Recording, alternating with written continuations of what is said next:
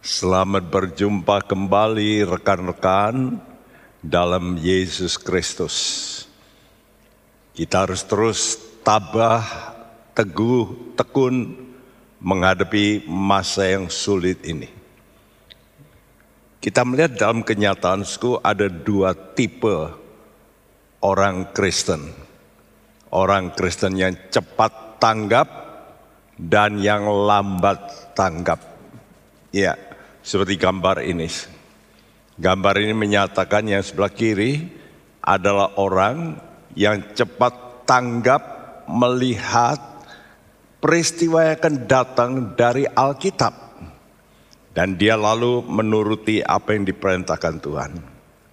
Tapi yang sebelah kanan, orang yang setelah peristiwa yang dinubuatkan terjadi, baru dia berkata, wah benar ya. Nah, jadi mukanya itu kaget, terkaget-kaget, terkejut. ya. Itulah yang nanti akan terjadi dari kebanyakan orang Kristen. Ya, saudaraku, ini menyedihkan.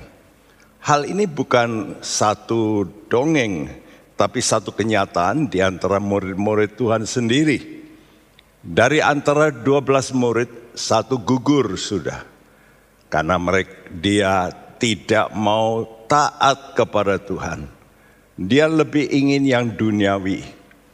Dan waktu Yesus mati, dia ikut bunuh diri. Namun ada dua murid yang berbeda. Ya, orang percaya juga. Yaitu Yohanes yang disebut oleh Tuhan sangat mencintai Tuhan. Dia disebut kekasih Tuhan. Dan ini dari sekian murid, satu ini yang paling spesial. Satu ini yang luput dari namanya suku uh, martir, kematian yang mengerikan. Yaitu Yohanes.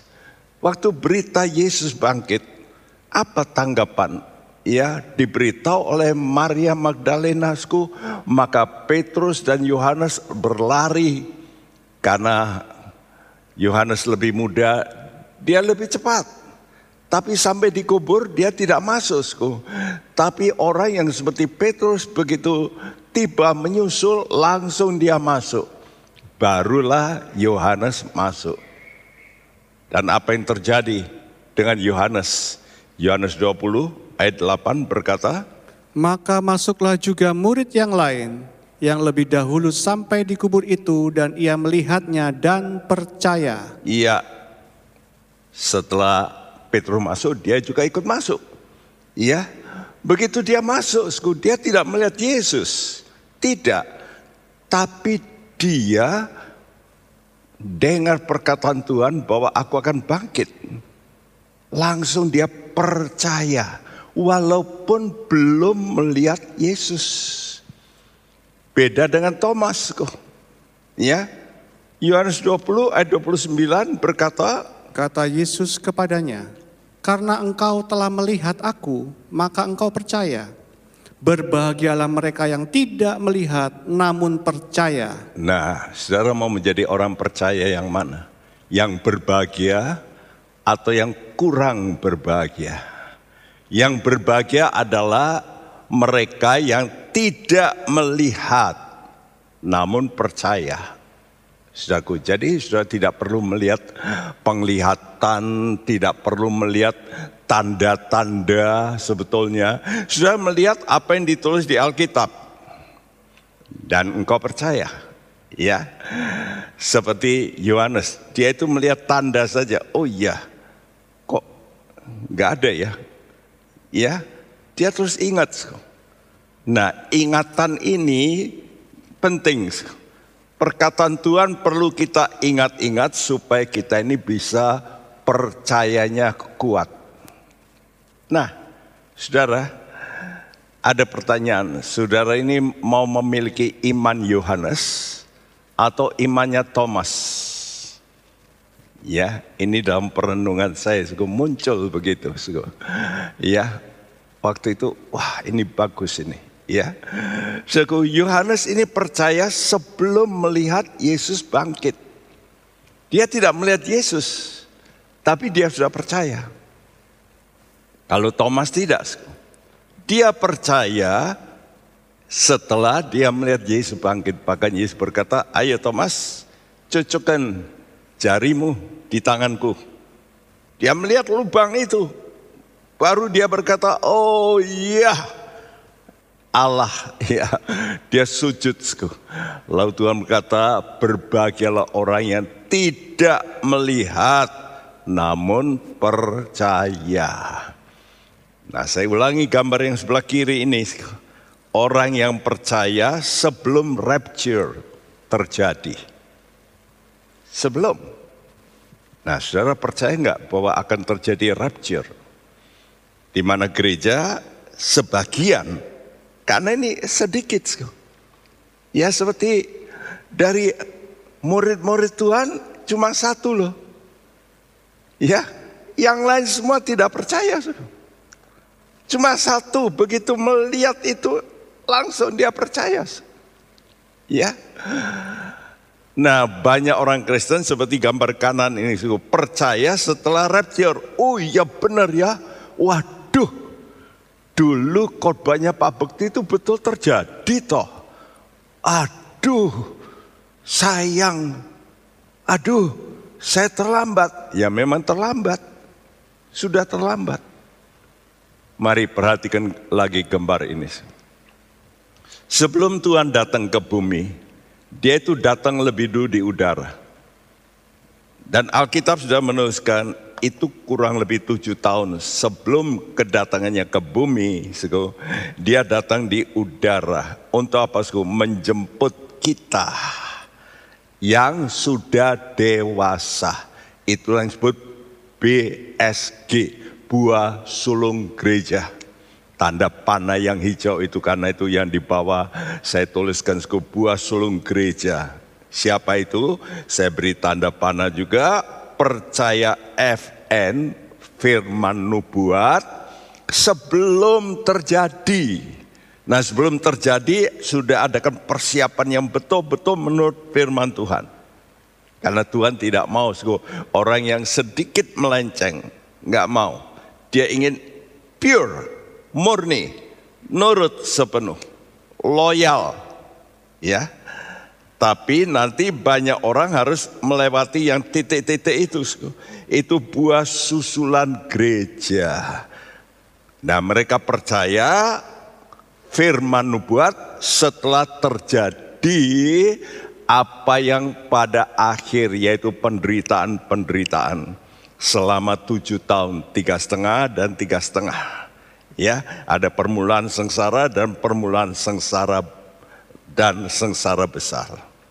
Saudaraku, saya flashback lebih dulu supaya sudah mengerti riwayat bangsa Israel. Karena Alkitab mengatakan Israel itu diberitakan di Alkitab untuk menjadi contoh bagi gereja. Ya. Jadi untuk menjadi contoh. Saudara, nubuat menjelang kerajaan Babel muncul. Saya tuliskan. Nah, Tuhan berkata nanti Babel ini muncul lagi pada akhir zaman. Ya, jadi ini gambar yang jelas menjelang hari sudah malam. Jadi Tuhan tahu dosa-dosa bangsa-bangsa termasuk Yehuda. Dulu Israel lebih dulu hancur oleh Asyur. Tapi ternyata ya ini bangsa yang kecil dua suku Yehuda dan Benyamin juga rusak. Karena itu Tuhan lalu menyerahkan mereka kepada kerajaan Babel. Kerajaan Babel adalah kerajaan dunia ketiga. Dan firman nubuat ini disampaikan oleh Nabi Yeremia. Yeremia berkata, kamu taklukkan diri kepada Babel. Karena Tuhan menyuruh begitu. Supaya kamu dihajar dan supaya bisa menerima hajaran Tuhan. Karena itu dalam Yeremia 27 ayat 5 sampai 8 berkata, Akulah yang menjadikan bumi Dan sekarang aku menyerahkan segala negeri ini, segala bangsa akan takluk kepadanya. Tetapi bangsa dan kerajaan yang tidak mau takluk kepada Nebukadnezar Raja Babel dan yang tidak mau menyerahkan tengkuknya ke bawah kuk Raja Babel, maka bangsa itu akan kuhukum dengan pedang, kelaparan dan penyakit sampar. Demikianlah firman Tuhan sampai mereka kuserahkan ke dalam tangannya. Iya, saudaraku, Allah itu yang pegang kontrol. Perhatikan, seluruh dunia ini peristiwa-peristiwa itu Allah pegang kontrol. Manusia boleh merencanakan kalau Allah batalkan bisa. Jadi seperti pandemi ini. Ya. Kenapa terjadi? Mungkin juga itu perbuatan manusia. Tapi kenapa terjadi? Kenapa Allah izinkan? Ya karena Allah punya rencana. Ya. Tuhan kata, aku yang menjadikan bumi. Aku ini berkuasa atas bumi. Dan sekarang segala bangsa, perhatikan ini segala bangsa lah. Jadi bukan hanya orang Israel, bukan hanya Yehuda, tapi segala bangsa akan takluk kepadanya, kepada siapa? Kepada Babel. Dan Tuhan peringatkan, ya bangsa dan kerajaan yang tidak mau takluk kepada Nebukadnezar Raja Babel, maka bangsa itu akan kuhukum. Wih, aneh ya. Jadi kadang-kadang saudara itu, kenapa ya? Ini yang jadi polemik dalam hati nabi-nabi.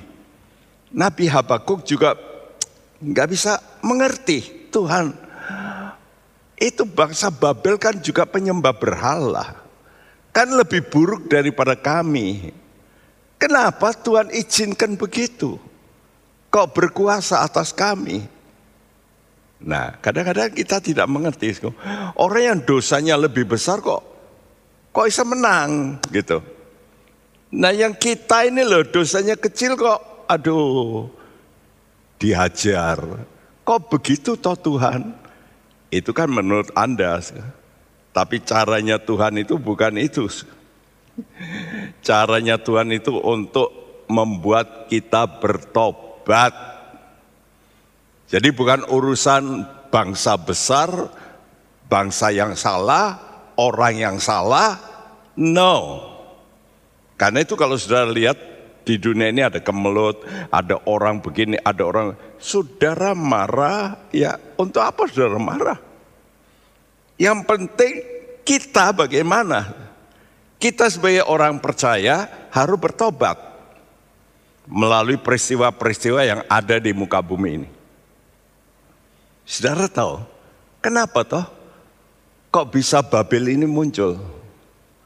Sama dengan dulu, kerajaan dunia itu ada yang sampai sekarang itu sudah berlaku tujuh kerajaan dunia. Tinggal satu, nanti saya terangkan. Kenapa Tuhan izinkan kerajaan dunia ini? Dan umumnya itu urusannya dengan siapa? Kerajaan dunia ini. Kalau di Alkitab Tuhan tidak urusan dengan bangsa lain, memang juga dituliskan nubuat terhadap bangsa lain. Ya kalau sudah baca Babel nanti nyerang siapa-siapa, Tuhan kasih tahu. Tapi urusan utama itu dengan bangsa Israel, bangsa pilihan Tuhan. Nah ini, saudaraku, Tuhan kasih pengertian ini, ya, kepada saya waktu berdoa. Tuhan kata, lihat itu, semua urusan di dunia ini, itu karena aku ini melihat bagaimana menangani orang Israel. Saya lalu kenapa Tuhan? Ya karena aku ada ikatan janji dengan Bapak Abraham. Bapak Abraham ini punya anak Ishak dan Yakob yang diganti namanya Israel. Dan aku punya janji dengan Abraham dan Israel ini, ketiga nenek moyang Israel ini, aku punya janji. Ya, janjinya, janjiku itu kekal. Bahwa bangsa ini, umat pilihanku ini karena aku menghormati ya Abraham yang luar biasa, maka aku janji ya. Dan janjinya tidak pernah Tuhan ingkari. Karena itu suku penanganan seluruh bumi itu selalu dihubungkan Allah dengan sikap bangsa Israel. Kalau Israelnya masih belum mau kenal Tuhan, terus malah petaka di mana-mana. Ya, itu yang harus saudara mengerti. Sebelum Israel bertekuk lutut dan mengaku Yesus itu Tuhan, pasti terus terjadi ketidakdamaian. Dan Tuhan memang tempatkan dipilih tempatnya kecil. Lihat gambar ini, bola bumi ini besar, Afrika begitu besar, ya, Rusia, India, China, kelihatan nih, tapi Israel sudah lihat itu kecil sekali. Tapi Tuhan tempatkan Israel di pusat bumi. Nah, center, ya.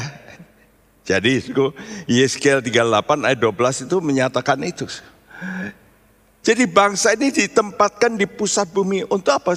Untuk supaya mata manusia itu melihat ini loh. Fokus ini loh. Ya.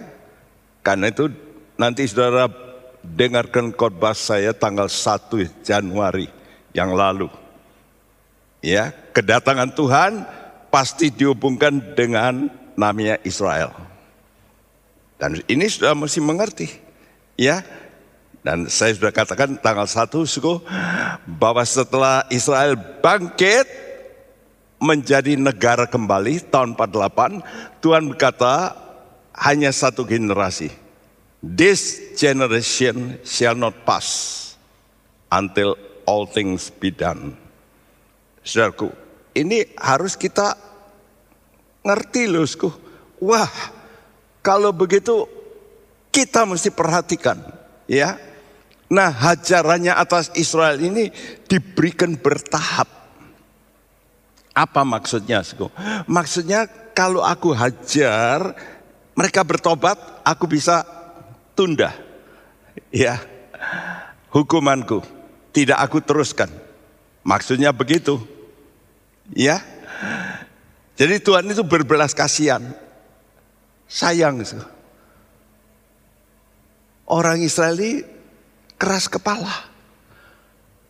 Dari hari-hari terakhir Nabi Yeremia bernubuatsku, ya, dan Yesaya itu hari-hari terakhir kerajaan Israel runtuh. Suku.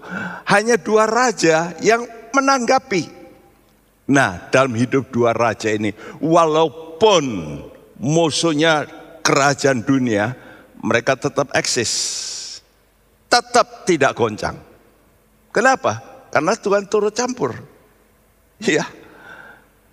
Dalam kerajaan Hiskiasku, musuhnya Asyur, kerajaan dunia yang kejam sekali. Lebih kejam dari Mesir. Ya, kalau saya ceritakan, wih ngeri. Ya, Nah di situlah Tuhan menunjukkan kuasanya atas negara yang kecil karena iman dari Hizkia. Dan oleh karena mereka ini hanya dua orang ini, lalu lanjutnya setelah Hiskiasku, anaknya Manase jatuh lagi, lebih celaka lagi. Nah begitu juga setelah Yosiasku, keturunannya juga tidak mau menurut. Akhirnya terjadi penawanan ya. Dan sebelum penawanan berakhir Tuhan masih kasih kesempatan Nah orang semacam Daniel dia ini seangkatan dengan Yeremia. Jadi waktu Yeremia hidup Daniel ini suka mendengar perkataan Yeremia. Taklukkanlah, taklukkanlah. Jadi waktu mau ditawan dia merelakan diri. Oke saya ikut penawanan pertama. Karena itu dia bisa jadi orang gede, orang besar. Betul enggak? Nah, jadi Tuhan itu berbelas kasihan terjadi penamaan kedua. Yeskiel yang juga dengar ya akan apa yang dikatakan oleh Yeremia dia juga ikut. Nah, kalau kita baca Yeremia uh, Yeskiel mengalami wih luar biasa sehingga dia pun masuk nabi besar. Tapi penawanan ketiga, Tuhan sudah jengkel ya, sudah dikasih satu, SP1, SP2, ndak dengar, SP3, hmm, habislah. Ya, jadi SP1 ini penawaran pertama masih dikasih kerajaan boneka, masih orang Israel yang memerintah. Ya, anak daripada Yosia. Ya, lah SP2 juga masih keturunannya. SP3 pun sebelum SP3 itu Sedekia itu juga keturunan Yosia. Tapi Sedekia ini bandel. Akibatnya apa? Akibatnya hancur bait Allah itu semuanya. Dibakar malah Yerusalem. Dan semua orang Yehuda ya yang tahu itu, yang percaya, mereka semua ikut ditawan. Oke. Dan memang Nebukadnezar tinggalkan orang-orang miskin.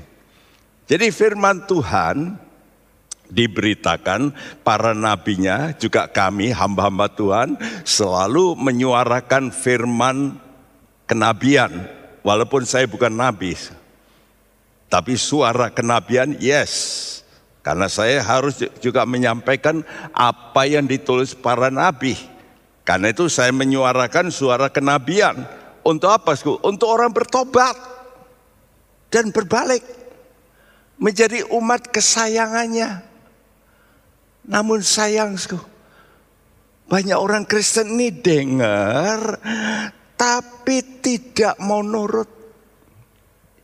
Seperti Yeremia ini. Hari-hari ini saya baca kitab Nabi Yeremia. Yeremia adalah seorang nabi yang penuh dengan penderitaan. Karena apa? Karena dia menegur. Dan dia mengalami penderitaan sampai kirim ke luar negeri. Sego, ikut dengan mereka yang melarikan diri. Dipaksa. Dan saya mendengar sego, Yeremia pun akhirnya dibunuh oleh mereka. Waduh, betul-betul terjadi pembunuhan-pembunuhan. Dan itu sudah ditulis di Alkitab bukan? Banyak nabi-nabi yang dibunuh. Bahkan bukan itu saja, nabi yang terbesar, Yesus yang menegur orang Farisi juga dibunuh. Karena itu Tuhan berkata, waduh gimana ya? Tapi Tuhan tahu bagaimana menangani orang yang keras tengkuk. Tuhan munculkan pada akhir zaman ini antikris. Dan inilah raja dunia ke-8 yang akan muncul di muka bumi ini. Itu ditulis dalam Wahyu 17 ayat 11. Ya, baru mereka mau bertobat dan menerima Yesus. Nanti Anda baca dalam Sakaria 13. ku. Mereka nanti terjepit luar biasa dan Yesus menampakkan diri lalu mereka ya Yesus engkau Mesias. Begitu mereka mengaku Yesus Mesias, langsung Yesus datang memerangi antikris dengan kawan-kawannya. Saudara, Allah itu pegang janji. Nah Tuhan itu memberikan anugerah pada gereja yang bukan umat Yahudi, kita ini bukan umat Yahudi, tapi menjadi umatnya. Untuk apa? Untuk menggugah gairah cemburunya orang Israel. Supaya orang Israel melihat, oh iya ya, Gereja kok diberkati tuannya Alkitab. Padahal Alkitabnya sama ya. Alkitabnya sama. Nah, jadi melalui teladan gereja kita dan hajaran antikris yang nanti akan dirasakan oleh Israel, Israel nanti bertobat. Ini Tuhan sudah tahu lebih dulu. Karena itu Tuhan mengerti hatinya orang Israel pada akhir zaman, mereka nanti akan bertobat. Ya. Dan nubuat tersebut untuk hajaran Israel ini harus menjadi peringatan bagi kita.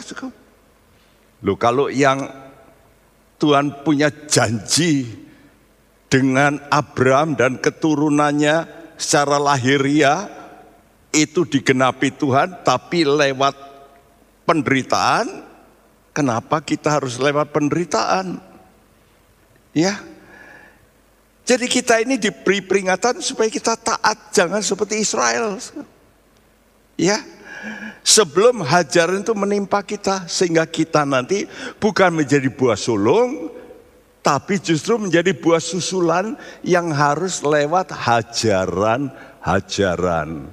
Kembali ditayangkan, saya tayangkan sego gambar ini supaya sudah melihat. Ya, saudara mau pilih mana? Mau pilih masuk buah sulung gereja, tidak akan melihat sengsara, ya akan muncul antikris karena itu kalau ada orang berkata nanti akan terjadi gini, saya nggak urusan, saya nggak mau lihat antikris. saya nggak mau. Ada orang tanya siapa ya Pak Bekti? Antikris siapa? Ya nantilah kamu tahu sendiri kalau kamu ketinggalan. Jangan tanya saya karena itu rahasia. Rahasia kedurakaan. Tapi kira-kira tahu gitu. Dari mana? Ya dari Alkitab. Nanti baca buku saya, kitab Daniel. Kalau saudara mau tahu siapa itu antikris. Tapi bukan personnya. Nggak ada tulisan personnya itu nggak ada di Alkitab. Karena itu, tapi Tuhan sudah tulis namanya Gog gitu. Ya itu ditulis Gog gitu. Tapi kan itu nama samaran yang Tuhan katakan dalam Alkitab. Saudaraku, jadi sudah melihat kalau sudah mau memilih menjadi buah sulung gereja, siaplah menurut perintah Tuhan sebelum aniaya. Berarti apa? Sebelum ada penderitaan, berarti kita mesti mau menderita sebelum penderitaannya akan datang. Nah, kalau saudara mau menderita karena menurut firman Tuhan, saudara bisa menjadi buah sulung gereja. Itu aja.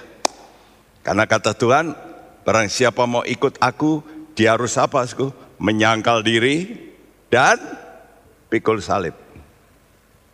Kalau kita nggak mau menyangkal diri dan tidak mau pikul salib, sudah tidak bisa masuk kriteria pengikut Yesus. Yang disebut Kristen itu ya ini mestinya. Jadi banyak orang Kristen-Kristen itu belum Kristen. Yang Kristen beneran itu adalah orang yang rela menyangkal diri. Prakteknya di mana? Ya itulah paling mudah hubungan suami istri. Ya, kalau sudah gegeran sama istrimu, sama suamimu, kalau engkau nggak bisa nyangkali, ya wis lah aku harus menahan ini. Enggak boleh. Ya, betul nggak? Engkau tidak akan bercerai. Tapi kenapa orang cerai? Ya karena dia tidak bisa menyangkali dirinya. Dan tidak bisa pikul salib. Nah, makanya pikul salib itu biasanya salah pilih. Tapi kalau menyangkal diri memang harus. Saudara mau ketemu istri mana, suami mana pun, tetap masalah. Tapi kalau pikul salib, nah itu salah pilih saya katakan. Terlalu banyak salibnya. Ya, karena sudah milih hanya mungkin cantik saja atau kaya saja. Wah, salibmu nanti besar. Kalau itu standarnya. Ya. Jadi Saudara, engkau bisa pilih yang mana?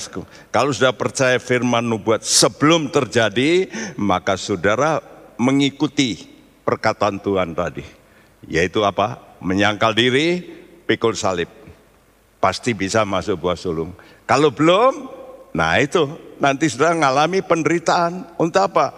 Yaitu untuk saudara pikul salib. Karena itu kitab Kidung Agung ada kitab yang begitu indah. Hubungan suami istri dan digambarkan Tuhan itu seperti kijang ya dia datang melompat-lompat dan dia mau mendekati kepada kita. Dalam Kidung Agung pasal 2 ada dua kali ajakan mempelai. Dan ajakan ditulis dua kali itu berarti serius. Dengarkan, tanggapi toh gitu ya Tuhan ingin ngomong begitu. Kamu tanggapi toh ya. Dan saya petik ini dari Kidung Agung pasal 2 ayat 10 sampai 13 yang berbunyi Kekasihku mulai berbicara kepadaku, bangunlah manisku, jelitaku, marilah. Karena lihatlah musim dingin telah lewat, hujan telah berhenti dan sudah lalu. Di ladang telah nampak bunga-bunga, tibalah musim memangkas, bunyi tekukur terdengar di tanah kita, pohon ara mulai berbuah, dan bunga pohon anggur semerbak baunya Bangunlah manisku, jelitaku, marilah. Marilah dua kali katakan marilah, marilah. Ayo bangun dua kali katakan bangun. Manisku jelitaku dua kali. Ini berarti Tuhan itu melihat gereja itu sebagai manisnya, jelita, indah. Bagaimana bisa indah? Harus melalui apa? Tempaan, Orang nggak bisa indah jiwanya tanpa ditempa. Seperti emas. Pelita emas itu satu bongkak emas murni yang terus ditempa supaya indah, supaya manis bentuknya. Ya. Nah, kita begitu. Jadi sebelum terjadi Allah itu memberikan firman nubuat pada umatnya melalui hamba-hambanya. Ya, para nabi, hamba-hamba Tuhan sekarang pendeta-pendeta yang menyampaikan sego suara kenabian. Saya sangat kagum dengan suara seorang pendeta di Amerika, David Wilkerson. Wah itu Wah luar biasa, suara kenabiannya kuat. Dia memberitahu tentang Amerika, dia berkata Amerika bertobat. Itu dulu ya. Dia berkata, aku melihat nanti terjadi kekacauan. Dan sekarang kita melihat. Kenapa? Karena melalaikan. Dan dia seorang yang luar biasa. Dia memenangkan banyak gangster di New York saat itu. Kalau sudah bisa melihat filmnya, wah, ya tentu film yang ya tidak film sebenarnya tapi diperankan oleh Pat Bone. Ya.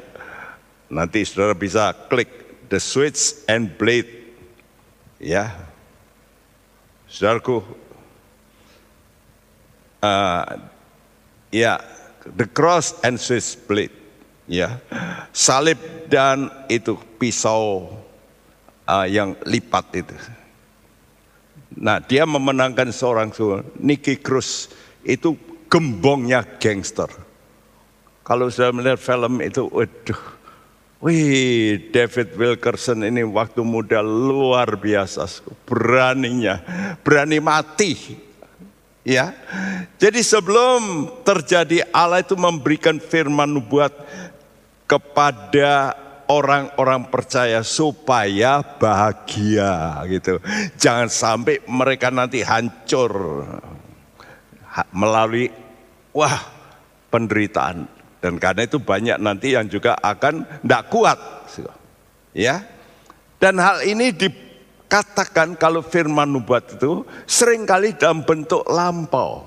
Artinya walaupun belum terjadi tapi sudah dituliskan dalam bentuk past tense, bentuk lampau. Berarti ini pasti terjadi. Seperti Yesaya 9 ayat 1 dan 2 itu 700 tahun sebelum Yesus muncul maka sego Yesaya ini bernubuat nanti ada terang muncul yaitu Yesus ya telah telah gitu Tapi belum. Coba dibacakan Yesaya 9 ayat 1 dan 2.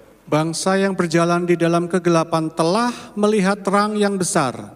Terang telah bersinar, telah menimbulkan banyak sorak-sorak, telah bersuka cita. Iya, sayang su yang bersorak-sorak cuma murid-murid. Nah, mereka bersorak-sorak, wah Yesus, engkau Mesias. Tapi banyak orang Israel tidak bersorak-sorak. Tapi Tuhan tetap tuliskan telah, telah. Ya, dan ini nanti nubuat ini diulangi nanti pada akhir zaman. Waktu Yesus datang kedua kali. Saudaraku. Nah ini sekarang untuk kita gimana? Anda mau tidak mengalami rapture?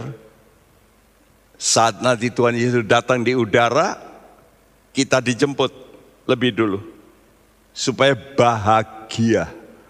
Ya, orang yang bahagia itu orang yang percaya walaupun belum melihat.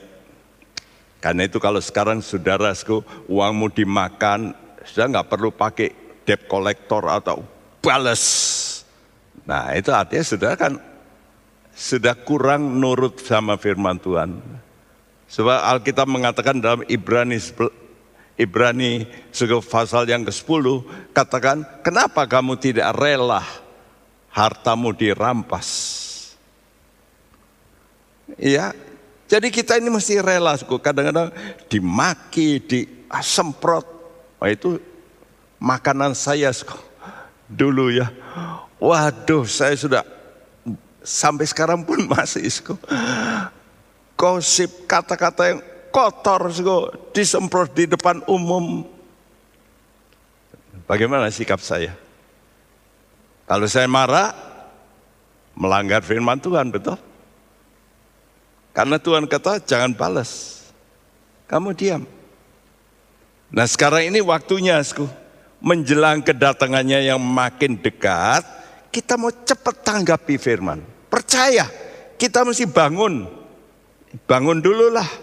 Ya, supaya kita bisa siap-siap. Roma 13 ayat 11 dan 12. Hal ini harus kamu lakukan karena kamu mengetahui keadaan waktu sekarang, yaitu bahwa saatnya telah tiba bagi kamu untuk bangun dari tidur. Sebab sekarang keselamatan sudah lebih dekat bagi kita daripada waktu kita menjadi percaya. Hari sudah jauh malam, telah hampir siang.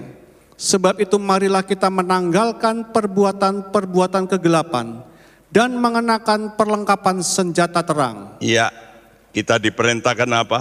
Saatnya telah tiba bagi kamu untuk apa? Bangun dari tidur. Kenapa? Hari sudah jauh malam. Tahu enggak? Kalau hari-hari ini sudah jauh malam. Kalau sudah kata, ya ini ya nanti kan bisa berubah jadi baik. Nah, saya nggak percaya bahwa ini hari sudah jauh malam. Lalu ini mungkin keselamatan sudah lebih dekat bagi kita. Lo aku sudah selamat kok. Kok keselamatan lebih dekat? Apa itu? Keliru doktrinnya Pak Bekti ini. Saya sudah selamat, pasti. ya itulah, banyak orang ngajar itu karena merasa dipastikan. Padahal ayat ini berkata apa? Sebab sekarang keselamatan sudah lebih dekat. Nah kalau sudah lebih dekat itu sudah dapat atau belum? Jawab sendiri. Itu kalau baca Alkitab itu begitu. Ya. Jadi kalau gitu keselamatan itu bertahap. Jangan saudara yang sudah percaya langsung dipastikan oleh anu pengajarnya pasti selamat. Siapa yang bilang? Ayat ini Paulus ini yang ngomong sih. Ya, keselamatan sudah lebih dekat. Yuk kita ya petik satu-satu. Tahu keadaan waktu. Hari sudah malam, kamu tahu waktunya sudah jauh malam ini Artinya apa? Dosa memuncak. Nah, kalau kita sudah melihat dosa memuncak, itu tandanya. Kapan dosa memuncak? Kalau sudah melihat Sodom, kapan? Waktu sego rumah Lot digeruduk sama siapa? Orang-orang yang tidak mengikuti hukum pernikahan. Dan sekarang bagaimana dunia kita? Anda lihat enggak itu? Atau Anda pura-pura, ah itu kan segelintir. Pembunuhan, aborsi, wah itu jauh lebih banyak lagi dari COVID ini. Kok enggak geger toh dunia? Ya tak? Nah kamu sih bangun dari tidur. Apa ini? Tidur apa? Ya bangkitlah dari antara orang mati kata Tuhan dalam Efesus. Mati rohani. Ya, jadi kalau kita lagi down rohani kita, kita nggak bisa bangkit. Kita mesti bangkitkan, bangunkan rohani kita ini dengan kumpul dengar firman Tuhan, api membakar. Keselamatan sudah lebih dekat. Keselamatan apa? Keselamatan tubuh.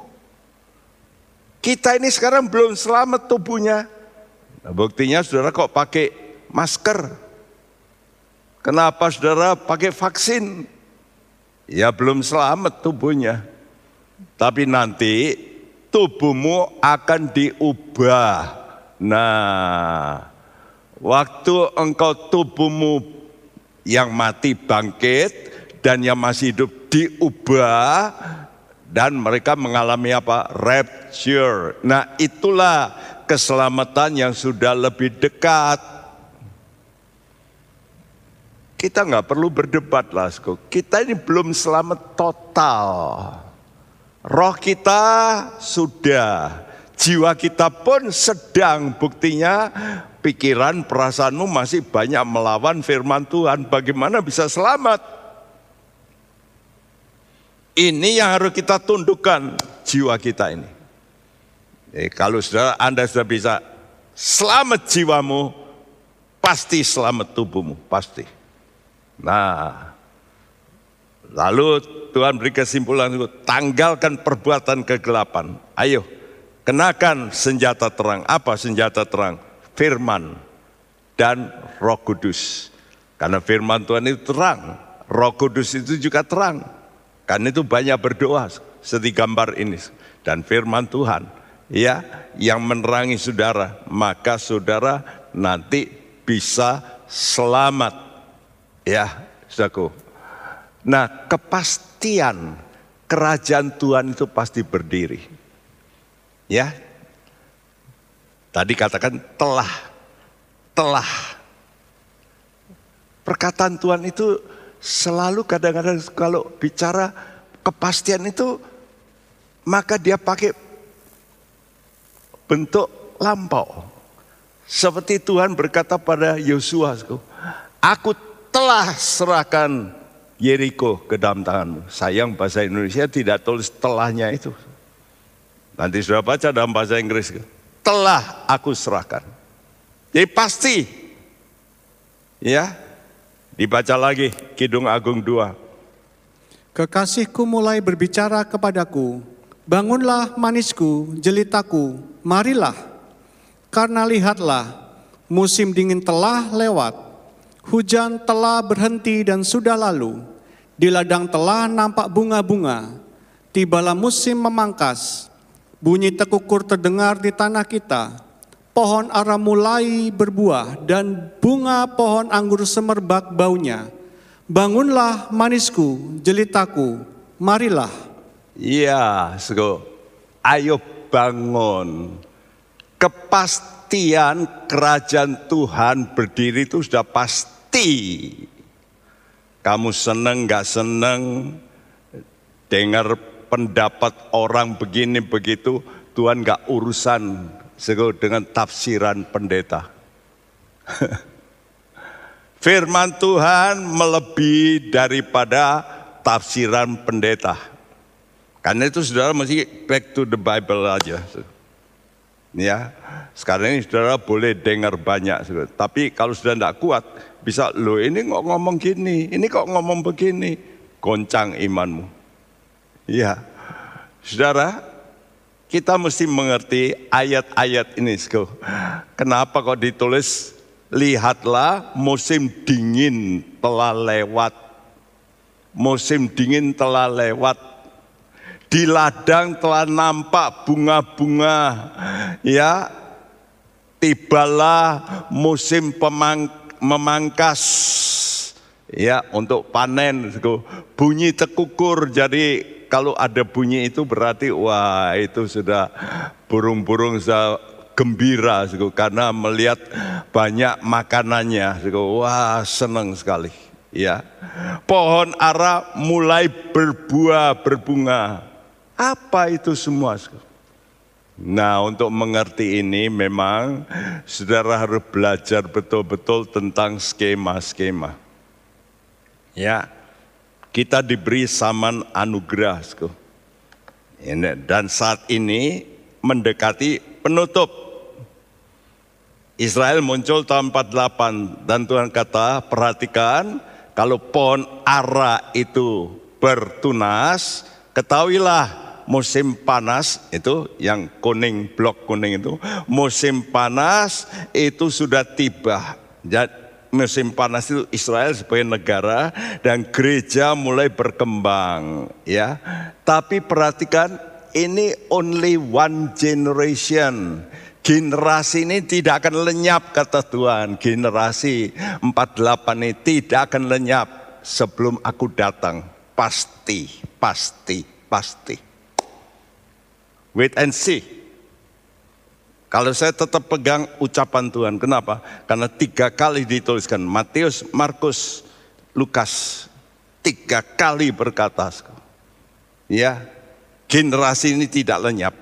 Langit dan bumi bisa lenyap, tapi perkataanku tidak lenyap. Jadi nanti akan terjadi namanya Tuhan datang di udara mendadak lebih dulu. Sku. Menjemput siapa? Menjemput mereka yang percaya firman nubuat bahwa ini telah, telah, telah Tuhan set up, telah Tuhan desain. Ya, Desain apa? Sku? Yang pertama, sku, musim dingin. Nah, musim dingin telah lewat. Artinya kita bisa lewat, pas lewat Musim dingin itu apa, Sku? Penderitaan. Karena Tuhan kata, berdoalah supaya pelarianmu kamu melarikan diri itu jangan pada jatuh pada musim dingin. Banyak orang melarikan diri pada musim dingin. Yang lengkungan merah itu terbagi dua, itu tujuh tahun itu saya perlebar tentunya ya. Mesti gambarnya kecil sekali. Tapi untuk bisa mengerti saya lebarkan ya, saya zoom begitu. Suku musim dingin itu, itu sengsara. Permulaan sengsara dan sengsara besar. Ya, suku itulah musim dingin. Ya, bagaimana gereja ini, waduh, nggak bisa bebas seperti sekarang. Karena waktu itu sudah wah musuhnya orang-orang percaya itu begitu banyak pembunuhan orang Kristen banyak terjadi di sini banyak martir. Karena itu kalau saudara tidak mau mengalami itu sekaranglah mau menderita batin gitu. Daripada nanti menderita tubuhmu ya setelah kamu melihat, oh iya ya, kok terjadi rapture, kok terjadi begini. Betul ini firman Tuhan. Sekarang saya mau tobat, tobat. Ya, harganya kadang-kadang mesti mati. Nah itulah musim dingin. Ya, bagi gereja. Ya, saudaraku. Tapi kemudian ada janji Tuhan apa? Di ladang telah nampak bunga-bunga. Apa itu? Itulah kerajaan seribu tahun. Jadi Tuhan itu canangkan nanti dalam Yesaya 35 nanti sudah baca. Ya, kerajaan seribu tahun itu telah dinubuatkan. Nanti padang gurun akan menjadi padang bunga. Nah itu kerajaan seribu tahun. Kita memerintah bersama Yesus. Ya, dan saat itulah baru orang Israel itu mau melek Ya, karena itu ayat 13 tadi berkata, pohon ara mulai berbuah, berbunga. Siapa itu? Israel, toh pohon ara itu tetap Israel gambarannya. Nah Israel nanti jadi bangsa luar biasa dalam kerajaan seribu tahun. Tapi mereka harus lewat aniaya. Karena itu saya harap saudara jangan ikuti bandelnya Israel. Nanti saudara juga ngalami sengsaranya Israel. Ya, karena itu gereja diajak bangun untuk melihat kenyataan nubuat ini. Bahwa hal-hal ini pasti terjadi. Apa itu? Musim dingin telah lewat. Walaupun ada aniaya, tapi lewat. Jadi kita itu cuma lihat, tadi katakan lihatlah. Ya, jadi kita nggak ngalami gitu. Ini yang Tuhan mau. Kita cuma melihat. Oh iya ya, terjadi ya, terjadi. Kenapa? Karena tubuh kita sudah diubah oleh Tuhan. Jadi waktu aniaya terjadi, orang-orang Kristen yang betul-betul sudah tubuhnya sudah diubah. Dan ada di udara, mereka lihat di bumi terjadi penderitaan-penderitaan. Kedua, di ladang telah nampak bunga-bunga, tiba musim memangkas, bunyi tekukur terdengar. Apa itu? Bumi dipulihkan. Jadi nanti bumi ini direnovasi oleh Tuhan, pulih seperti Taman Eden dulu. Kerajaan Tuhan berdiri, itulah kerajaan sorga di muka bumi. Lalu pohon ara mulai berbuah, bunga pohon anggur semerbak baunya. Israel ya yang sisa bertobat menerima Yesus, mereka masuk kerajaan seribu tahun. Tapi sayang, secara nasional mereka tidak diubah tubuhnya. Mereka pakai tubuh biasa. Itulah yang mereka minta dulu. Bahwa Yesus jadi raja. Nah sekarang mereka lihat betul Yesus jadi raja. Di mana? Di Yerusalem. Tapi Yesusnya pakai tubuh kebangkitan dan gereja yang buah sulung sudah semua pakai tubuh kebangkitan. Nggak bisa mati. Padahal yang hidup dalam kerajaan seribu tahun, banyak orang masih pakai tubuh biasa yang bisa lolos dari antikris. Ini ada pelajaran tersendiri, yaitu bangsa domba masuk kerajaan seribu tahun. Bersama orang Israel ya secara nasional. Tapi bukan berarti seluruh orang Israel. Orang Israel yang mau percaya, sekarang ini ada orang Israel yang percaya Yesus. Mereka masuk gereja sudah. Tapi yang mereka ngotot dengan hukum Taurat, mereka dihajar, dua per tiga mati, sepertiga mau terima Yesus. Nah mereka nanti masuk dalam kerajaan seribu tahun. Itu namanya pohon ara mulai berbuah. Bunga pohon anggur semerbak baunya. Wah ini saya ngerti ini, baca ini setelah puluhan tahun baru saya bisa membuka rahasia ini. Kalau saya dulu ngomong ini sebagian saja. Tapi sukar mengerti. Tapi pada akhir-akhir ini seperti perkataan Tuhan dalam Daniel, pengetahuan akan ditambahkan. Jadi orang makin tahu, makin bisa menyiapkan diri, makin bisa kita menyiapkan jiwa kita supaya nurut. Sebab yang paling sulit itu jiwa kita. Roh itu penurut, tapi jiwa kita, pikiran, perasaan, kehendak. Karena itu keselamatan kita yang harus kita capai itu bukan keselamatan roh kita. Waktu kita percaya, kita diselamatkan, sudah diselamatkan, sudah. Tapi roh kita, tapi engkau harus hidup dalam iman sampai imanmu itu mencapai yang ini. Iman tanpa melihat. Nah, kalau engkau mencapai iman tanpa melihat, engkau bisa tahan penderitaan. Mau, rela. Oke, saya ngalah. Karena aku percaya, aku ingin masuk rapture. Aku tidak mau masuk aniaya, tapi aku mau masuk rapture. Nah untuk saudara-saudara yang begitu, saudara itu nanti akan mengalami hari yang mulia. Ya, di mana kita akan melihat bumi kita ini akan diubah oleh Tuhan. Menjadi Eden kembali. Dan di situ nanti masih ada seku screening lagi. Pemilihan kembali. Wah, Tuhan itu kalau nyeleksi sampai habis-habisan. Sampai betul-betul yang diseleksi itu betul-betul yang murni. Baru dia akan masuk dalam kerajaan yang kekal selama-lamanya. Mari kita nyanyikan ini dengan satu pengharapan Tuhan. Aku ingin masuk hari yang mulia itu. Hari di mana saya sudah diubahkan tubuhku menjadi tubuh kemuliaan, memakai tubuh yang tidak binasa. Haleluya indah sebagai di Eden.